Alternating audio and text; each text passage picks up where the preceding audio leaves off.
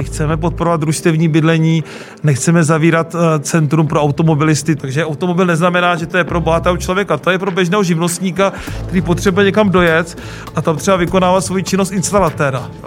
A v tom jsme my trošku jiní, než je Praha sobě, která v tomto směru je postavená jaksi více ve vztahu k hromadné dopravě a k chodcům a cyklistům.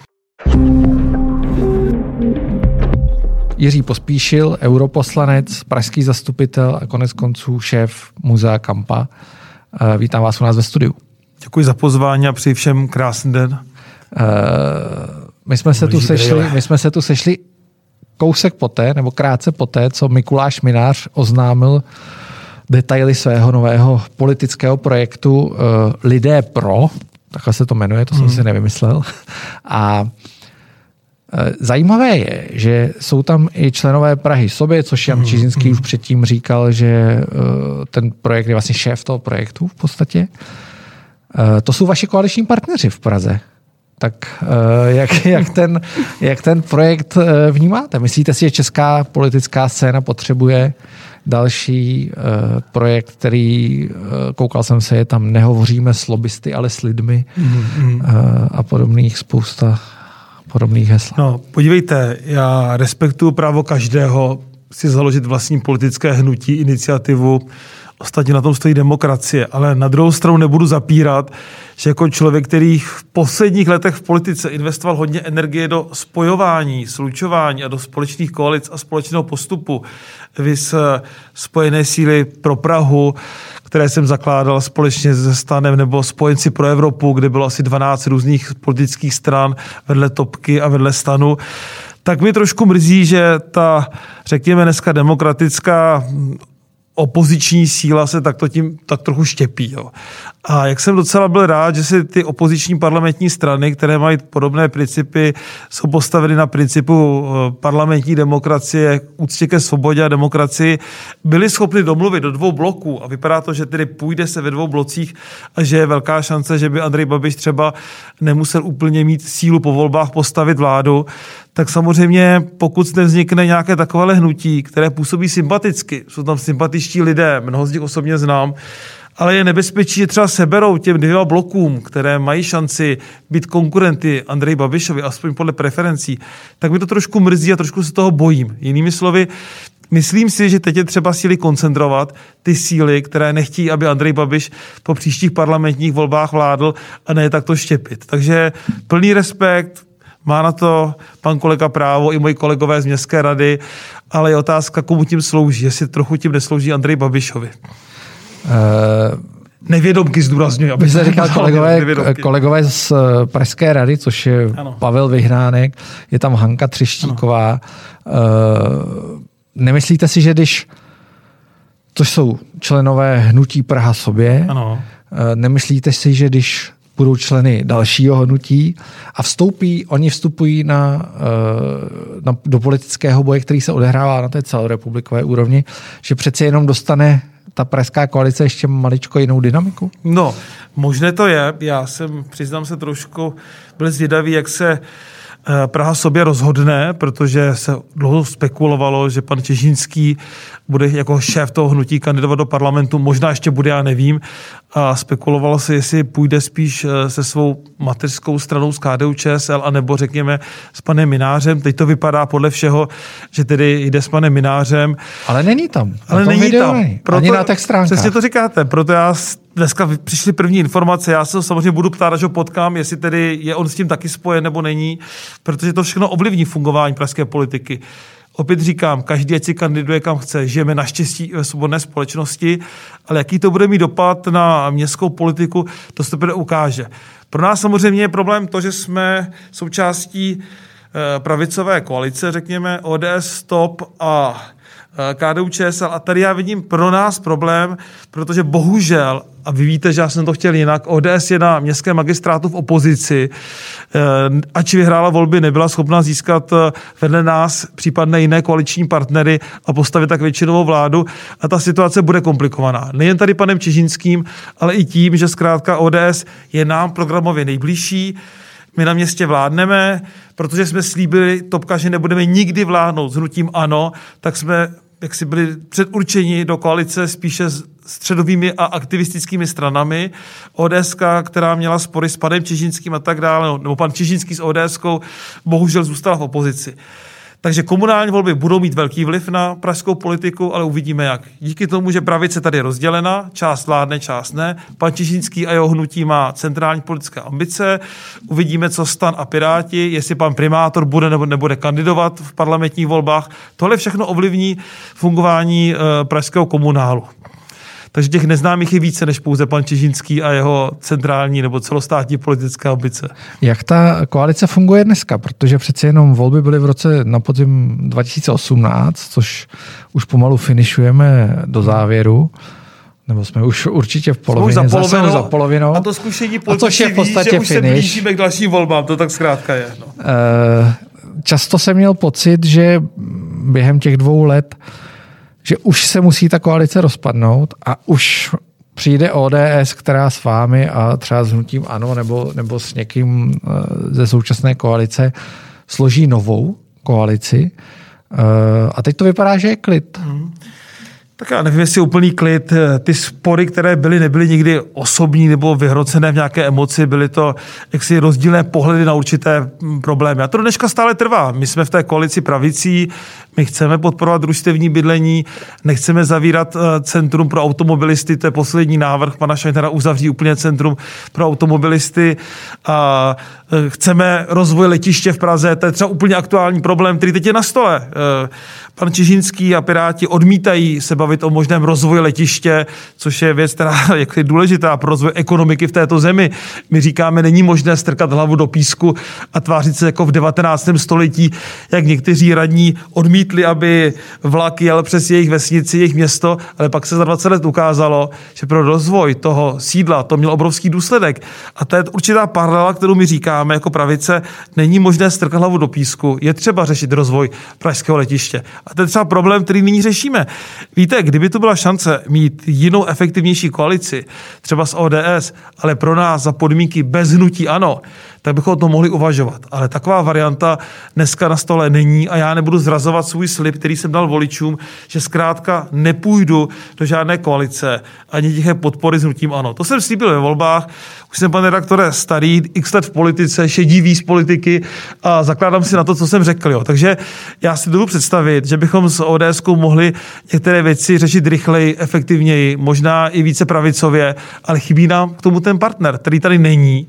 A abych jaksi šel do vlády a podporovalo mi tiše ano, městské vlády, to je pro mě nepřijatelné. To bych fakt zradil, to jsem slíbil. Takže tahle koalice je umění možného, je to jediná demokratická koalice, která tady může být složena bez hnutí ano, jiná tady varianta není. Vládne, letos se daří, mnoho věcí, eh, jak si vidíme odlišně, typu právě doprava. My ne, si nemyslíme, že majitel automobilu je nepřítel a má být tak si úplně diskriminován v Praze. Jsou to věci, kde máme poslední dobou, řekl bych, spíš jiné vidění e, právě s hnutím Praha sobě a s panem Čižínským. Jo? Ten má tu politiku v tomhle směru více aktivistickou. Ale... Méně než pě, jakoby více blížíte Pirátům v tomhle ohledu. No tak já myslím, že než... tak, no tak Piráti jako neříkají to, to moc nic, jo, ale třeba ty spory kolem té dopravy máme jaksi e, právě s politikou pana Šajnera a s panem Čežínským. No to je paradoxní. Na jedné straně máme jako velmi dobré lidské vztahy, rozumíme si lidsky, v té běžné agendě nemáme problémy, ale ideologicky jsme zkrátka trošku někde jinde. Jo. Já hledám vyvážený mix dopravy.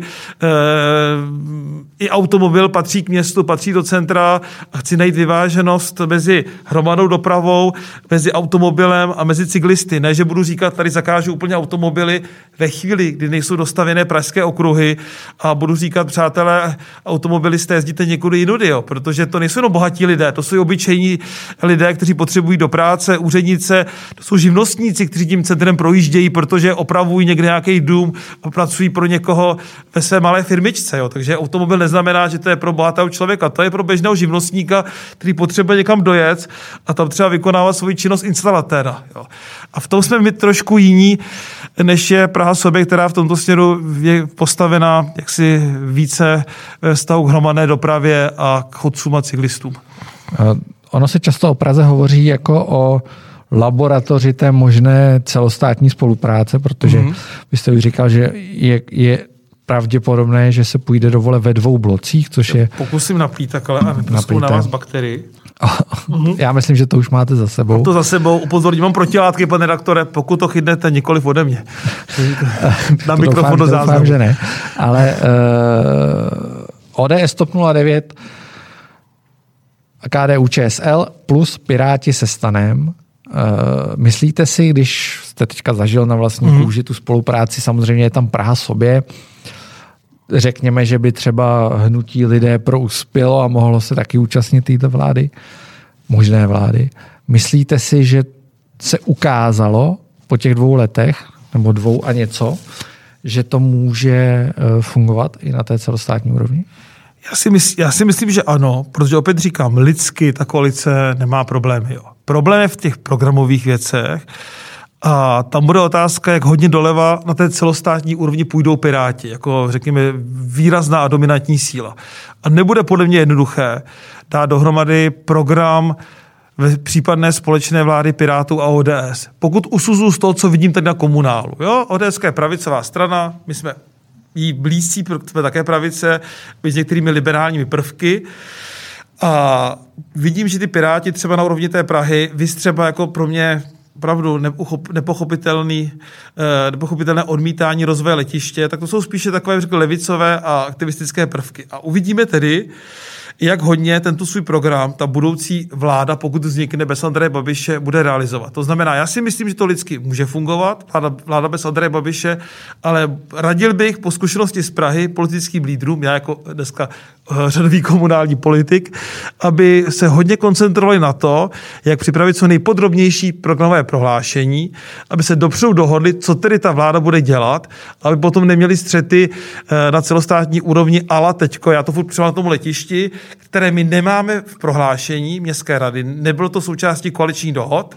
My říkáme, rozvoj chceme, kolegové říkají ne, není zde žádný dokument, který by to upravoval na počátku, takže jsme byli v městské radě přehlasováni a teď o tom bude debata na příštím zastupitelstvu. Takže já bych doporučoval co nejpodrobnější itinerář vládních kroků, protože nebude vůbec jednoduché najít průnik a kompromis mezi třeba Piráty a mezi ODS. Vy jste určitě seznámen, přestože říkáte, že už jste dneska řadový člen v podstatě, určitě seznámen... Eh, řadový zastupitel, tak. Řadový zastupitel, tak, ne, řadový člen. Ještě europoslanec. Uh, jste seznámen s těmi jednáními, které se týkají TOP 09, ODS a KDU ČSL o vytvoření té trojkoalice. Uh, myslíte si, že už jsme v bodu z něhož nejí návratu? České politice neříkej nikdy nikdy, že jo? takže vždycky z nějakého bude návratu, ale já musím říci, že jsem byl fakt mile překvapen, jak jsem se dva roky pokoušel o nějaké koalici a vím, jak to bylo obtížné to domluvit, jak to vrzalo, tak eh, jsem byl mile překvapen a jsem mile překvapen, že se tři lídři středopravicových stran fakt velmi rychle domluvili na tom základním schématu. Pokud vím, tak se také velmi rychle postupuje na přípravě programu, ale nejsem to účasten, mám to pouze z informací z předsednictva. A za nás říkám klobouk dolů, jak Markéta Adamová Pekarová to za to mladé vyjednala. Takže jako myslím u nás, je spokojenost. Za nás necítím z těch debat, které vedeme uvnitř strany, nějaké velké třecí plochy. Jo. Protože každý si uvědomuje, že pokud chceme mít ze vládu bez Andreje Babiše a pokud tady platí Dontova metoda, že malé strany, které mají kolem 5-6%, dostanou mnohem méně poslanců než strany, které mají 10 a více, tak jako není jiná racionální varianta, než dělal volební koalice. Kdyby to nebyl Dont, který poškozuje malé strany, ta situace by také byla jiná. Takže já v TOP 09 vnímám to, že všichni, no většina z lidí, kteří mají do toho, co mluvit, jsou s tím srozumění, vnímají to a vidí tady, že to konečně nějaká šance i pro naše voliče, jak e, najít řešení, jak změnit vládu za necelý rok, už skoro v zásadě. To znamená, je to nějaké světlo na konci tunelu, které jsme dlouhou dobu neměli, protože jsme si všichni mysleli a i mnoho našich voličů propadlo bez naději, že porazit Andreje Babiše bude mimořádně obtížné. Teď ta situace fakt je trošku jiná a já vidím velkou šanci mít zde za necelý rok vládu bez Andreje Babiše. Eh, bude to taková otázka spíš insiderská nebo spíš věc, o které se hovoří. Jasně. Eh, bude Markéta Adamová eh, lídriní té trojkoalice v Praze?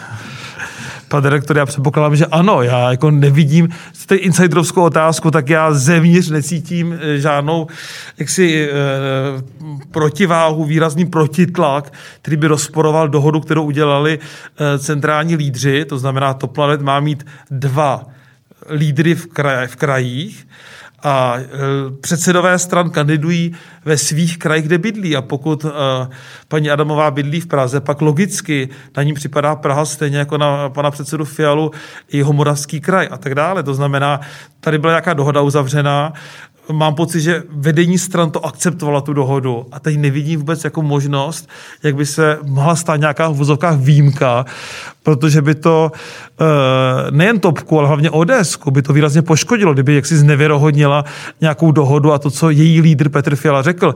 A já si osobně myslím, že eh, paní Adamová bude dobrý lídr této pravicové koalici v Praze a že může přinést další body. Že může oslovit právě další voliče, třeba některé liberálnější a že pro utkání s Piráty je ona jako, řekněme, příslušnice TOP 09 vhodnější uh, kandidát, vhodnější lídr, než třeba ODS, který jak si je více pravicový, více tvrdý ve svých některých postojích a může takového toho liberálního městského voliče třeba odradit. Jo. Takže já si myslím, že pro oslovení nejen pravicových voličů, ale řekněme třeba měst, i městského liberála, o kterého bude ten střed s Piráty a stanaři, tak si myslím, že Markéta Adamová může být úspěšná. Co byste považoval na té celostátní úrovni za úspěch? Podívejte, já jako občan pospíšil budu fakt šťastný, když tady Eh, demokratické strany vyhrají ty volby a vystřídají legální cestou eh, Andreje Babiše. Samozřejmě nevím, co udělá pan prezident, ono se totiž může stát, že Andrej Babiš vyhraje ty volby těsně, nebude mít koaličního partnera, přes toho pan prezident může pověřit sestavení vlády a můžeme tu mít několika měsíční divadlo a krizi vyvolanou prezidentem Zemanem. Jo? Takže ono to ještě daleko to může být. Jo? Ale pokud zde bude šance, že v parlamentu většina poslanců bude z demokratických stran a bude šance tu mít v nějakém horizontu demokratickou standardní vládu, která začne eh, problémy způsobené vládou Andreje Babiše řešit a vrátí nás do normálu, že nebudeme zemí, která má oligarchu v čele, který bere evropské peníze, vylézají kauzy, kdy se ukazuje, že ty peníze čerpal nezákonně nebo nelegálně. Takže to jako občan budu šťastný. Takže já samozřejmě chci, aby vyhrál blok eh, Petra Fialy a Markéty Pekarové Adamové a KDU ČSL, jako řadový občan, eh, ale hlavně jako řadový zastupitel budu pracovat na kampani, pomáhat, ale super šťastný budu, hlavně když zkrátka ty dvě demokratické strany, respektive bloky, získají většinu v parlamentu. A procenta? Já dokážu typovat, víte, co jsme strašně daleko. Vy jste zkušený, ne, já jsem... vy jste, jasně, vy jste zkušený moderátor, já si myslím, že ten blok eh, reprezentovaný ODS, TOP a KDU může stát mezi 25-30%. Podobný eh, výsledek může dosáhnout eh, jaksi blok Piráti stát. Dneska ty preference jsou přibližně vyrovnané, jo, takže jako já to se dneska nedá odhadnout. To jestli dneska je rozdíl mezi těmi bloky 3-4%, tak to vzhledem tomu, že jsou volby za 10 měsíců a ty výzkumy se mohou trochu lišit, tak si myslím, že dneska jsou vyrovnané šance obou bloků eh, porazit Andreje Babiše a jestli tedy případně bude premiér eh, z bloku Pirátů anebo z bloku ODS Top, to je jaksi to může být rozhodnuto několik dní před samotnými volbami. Uvidíme to. Dneska se vůbec nedokážu, nedokážu typnout. Já spíš narážím na to, jestli nejsou uh, ty prognózy vaše a, a vašich kolegů v trojkoalici, případně Pirátů, příliš optimistické. Nezvyšel průzkum stan. Ano. Eh, stan, a už se mi to plete, Medianu. Uh, to, median, ano, to se spoustu rýmuje. Hnutí, právě, to je ten největší problém. Ano. Uh, hnutí ano 28,5%, Piráti 14%, ODS 10,5% uh-huh. a zbytek někde daleko vzadu, včetně TOP 09. 5, top 5, 5 pořád jsme 5, na 5%. 5%, pokud se nepletu. No, no, no, no. Uh, aby vlastně nebyl ten odhad moc optimistický, protože to se stane ve chvíli, kdy Andrej Babiš, podle vás to se stane ve chvíli, kdy Andrej Babiš bude mít 28,5, 30. Jasně. A vy se budete v těch blocích pohybovat kolem 15%, tak nebojíte se patu? Dobrý, tak, ta Nebo situace, nebojíte se, nebojíte se situace, dobrý. kdy pro někoho eh, z toho trojbloku najednou ta nabídka Andreje Babiše na vládní angažmá uh, bude lákavá. Jasně, rozumím, helejte, tak kdybych za ty dnešní preference, tak Andrej Babiš 28%, uh, blok uh, ODS, TOP, KDU kolem 20%, protože součtu by to bylo kolem 20%, možná ještě přes, a to řekněme, jsme nějaký jako výzkum, který jako nefandí moc ODS v tomto případě. ODS většinou nějak 15% v těch výzkumech. A pak eh, Pirát Lidovec, pardon, Pirát Stanář součtu kolem 24%, že něco takového. No tak dobře, takže kdyby to tak bylo, tak máte tři bloky, které mají nad 20%. Na jedné straně Andrej Babiš 28 a něco a pak nějakých 20 a 24. To znamená, kdyby to takhle dopadlo, tak jsem přesvědčený, že ten don způsobí, že většinu ve sněmovně budou mít tyto dva bloky. Jo, to, to, to je přes 40% hlasů a to už ten don to přehazuje přes 50% mandátů, aspoň jak si jako tak matně pamatuje. Takže ten dnešní výsledek by vedl k tomu, že by Andrej Babiš nemusel vládnout. A pak nastává, že to, co vy říkáte, to samozřejmě nedokáží odhadnout, kdyby Andrej Babiš udělal nabídku v vozovkách, která se neodmítá některé z těch koaličních stran, učinili to TOP 09, tak já otevřeně říkám, já si vůbec představit variantu, že by Topka byla ve vládě s Anem. To vůbec nepřipadá v úvahu. Podívejte se tady v Praze, bychom mohli e, e, změnit poměry, já bych mohl být primátor, ale bylo by to vláda s Anem a to je pro nás naprosto nepřijatelné. Jo. To je jako není možné, takže varianta, že by Topka kolaborovala s Anem je podle mě nemožné. A Nedovedu si představit, že by ODS vzala takovou nabídku, protože tím, že ta ODS dělá koalici s námi a s KDU, tak musí z toho jasně tušit, že varianta spolupráce s ANEM se obrovsky zužuje.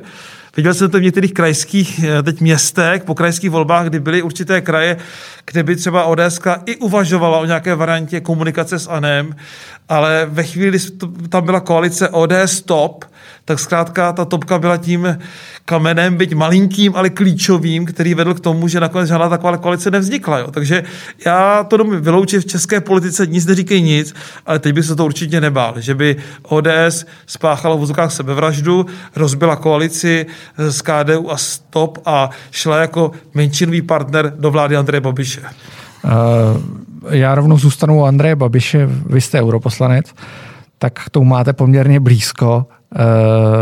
V poslední době se událo pár věcí kolem mm-hmm. Andreje Babiše na evropské půdě. Jasně. Konec konců ministr průmyslu a obchodu a ministr dopravy Karel Havlíček řekl, že Andrej Babiš skutečně bude muset vrátit eh, tu 100 milionů dotaci na tu slavnou linku na výrobu toustového chleba, inovativní linku v uvozovkách. Eh, a stát na tom bude trvat.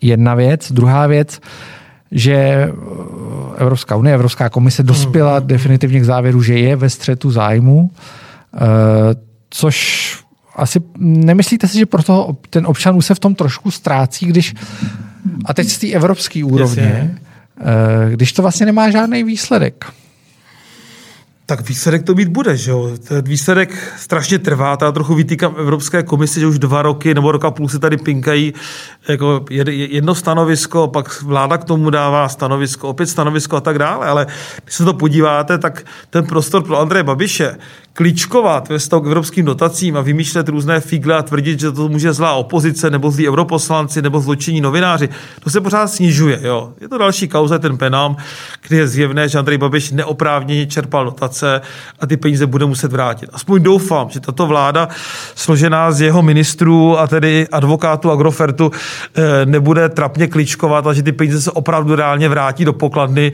a nebude tady hrát na schovávanou to typu prodlužování, odklady a jiné věci a stát a my občané budeme platit v zásadě linku penám. Jo. To doufám, že teda bude, má natolik soudnosti nejen pan minister Havlíček, ale celá vláda Andreje Babiše, že ty peníze se tedy vrátí zpátky. Chyba je na straně Evropské komise, že to strašně trvá. Ale na druhou stranu se musím ocenit. Já jsem se na počátku fakt bál, že zde bude větší snaha to nějak diplomaticky zahrát do autu a že na konci teda nebude žádný výsledek. A teď to vypadá, že fakt na konci bude výsledek a je na konci zase výsledek, že tady eh, je ve střetu zájmu, nemá čerpat evropské peníze, když je premiér a oligarcha v jedné osobě a že bude muset v některých případech ty peníze vracet a je otázka do budoucna, bude-li dále vysoké politice, jestli vůbec nějaké evropské peníze bude dostávat v jaké podobě. Já si myslím, že to trvalo, bylo to bolestivý, taky si řekněme, že to byl úplný precedent. Já neznám jiný případ, že by v minulosti byl oligarcha premiér nějaké evropské země a čerpal uh, miliardy z rozpočtu daňových poplatníků, evropských poplatníků, takže proto i to trošku možná trvalo, ale ten výsledek je, že označuje popis situaci, jak to my cítíme, nejen jako opozice, ale i občané v této zemi a teď je otázka, aby nakonec na to nedoplatil český občan, jo? aby nakonec to fakt nebylo z českého rozpočtu. To je jediný, čeho se já trošku bojím a doufám, že ty peníze zaplatí Andrej Babiš a jeho firmy.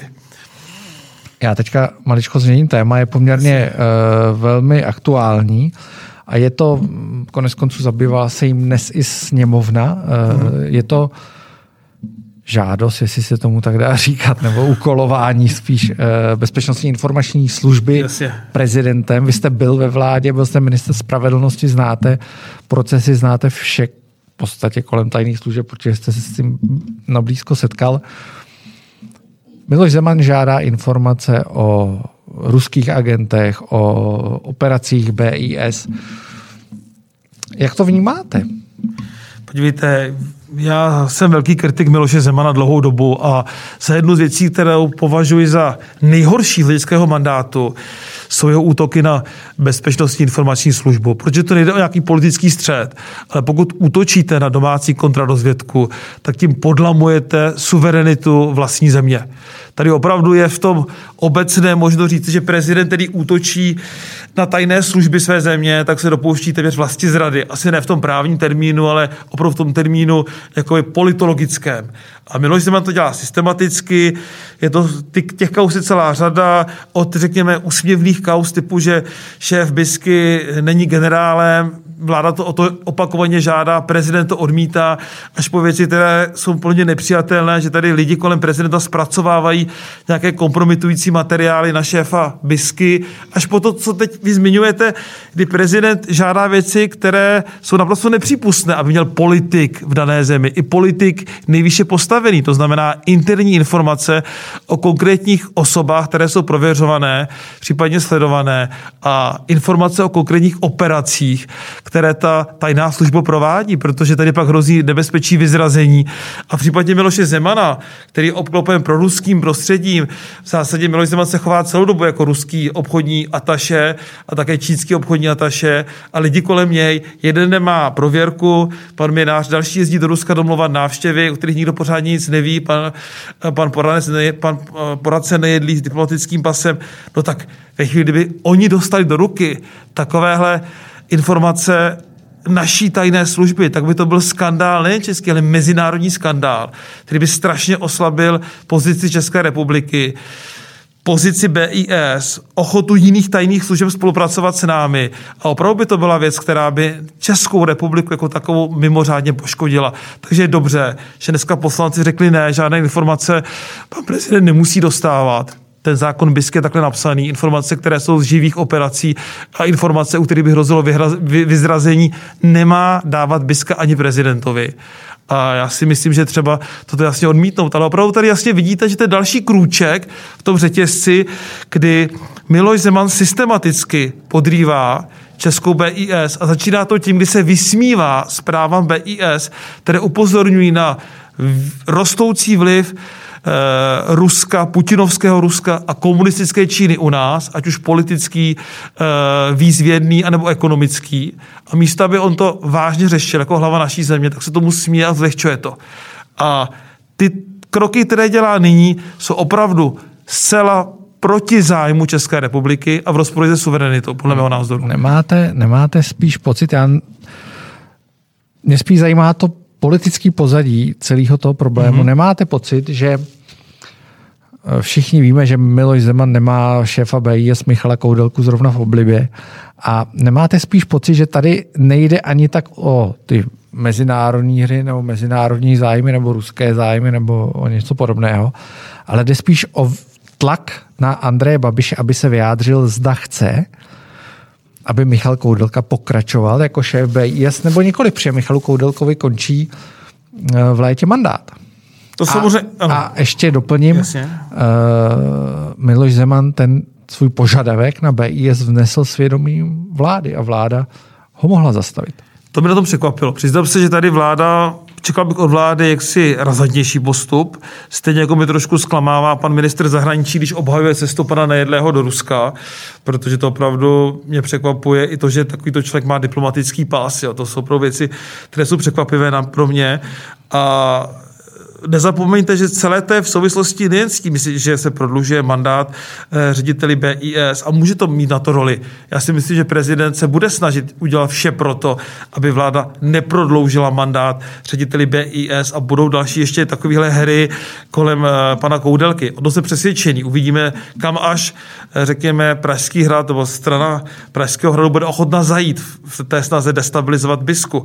A já si myslím, že to souvisí s tím, co teď je na stole a ta otázka eh, rozvoje atomové energie v této zemi, Dukovany, eh, do budoucna Temelín, toto hraje svoji roli všechno a eh, proto si myslím, že by se Rusku asi hodilo, kdyby BIS nebyla tak aktivní a byla trošku malinko ochromena. Tak to čtu já, ale to samozřejmě můj názor. Já jenom opakuji to, co objektivní fakt, Požadavek prezidenta byl zcela nestandardní.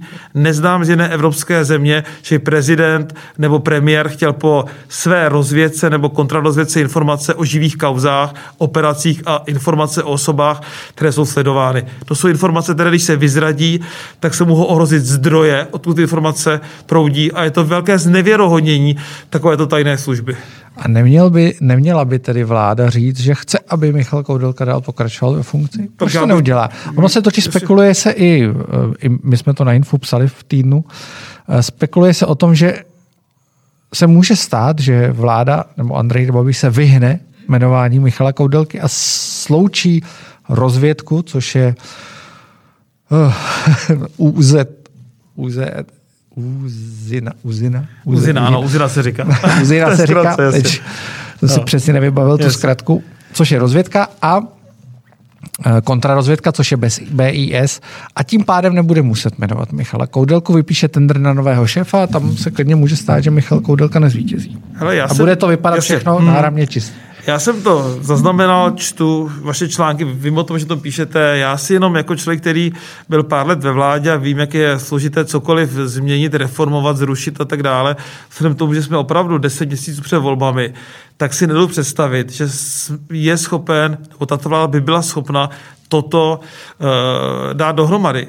Změna zákona, zrušení dvou institucí, vznik jedné instituce, nové výběrové řízení. To je proces, který nemůžete stihnout podle mě 10 měsíců do voleb. Zvláště, když poslední tři měsíce už bude intenzivní kampaň a ona ta kampaň fakticky poběží už teďko pořád. Jo. Takže kdyby na to měl premiér dva roky, tak je to možné, ale připadá mi, že to je nezvládnutelné. Jo. Ale nevidím Andrej Babišovi do hlavy, tak fakt nechci říkat ano ani ne k tomu. Jenom časově to fakt není otázka dvou, tří měsíců, takovýhle proces. No. Poslední stručná otázka. Vy jste šéfem muzea Kampa. Dneska tady sedíme v den, kdy se znovu otevřela muzea. Uh, Kolik přišlo lidí? No teď jsem to právě zjišťoval, aniž bych tušil, že se to zeptáte, jsem mluvil s panem ředitelem. Já jsem slyšel dneska, ten telefon, tak no, jsem no, se jasně, na to jasně. No ne, tak dneska, dneska šest lidí, jo. A to je třeba si uvědomit, že i když vláda teď zruší, a normálně chodí 100 až 150, abych vedl. Dneska 6, to znamená v zásadě, ten návštěvnost je minimální. A je třeba si uvědomit, eh, a bylo to i po té první korona eh, krizi a korona uzavírce, jak říkáme, že trvalo měsíc až měsíc a půl, než lidé začali znovu chodit do muzeí a do galerií. Že to není automaticky hned. Když vám otevřou kadeřnictví, všichni máme dlouhý, dlouhé vlasy, běžíme a kadeřníci naopak mají hromadu práce. Ale ta kultura se rozbíhá pomaly.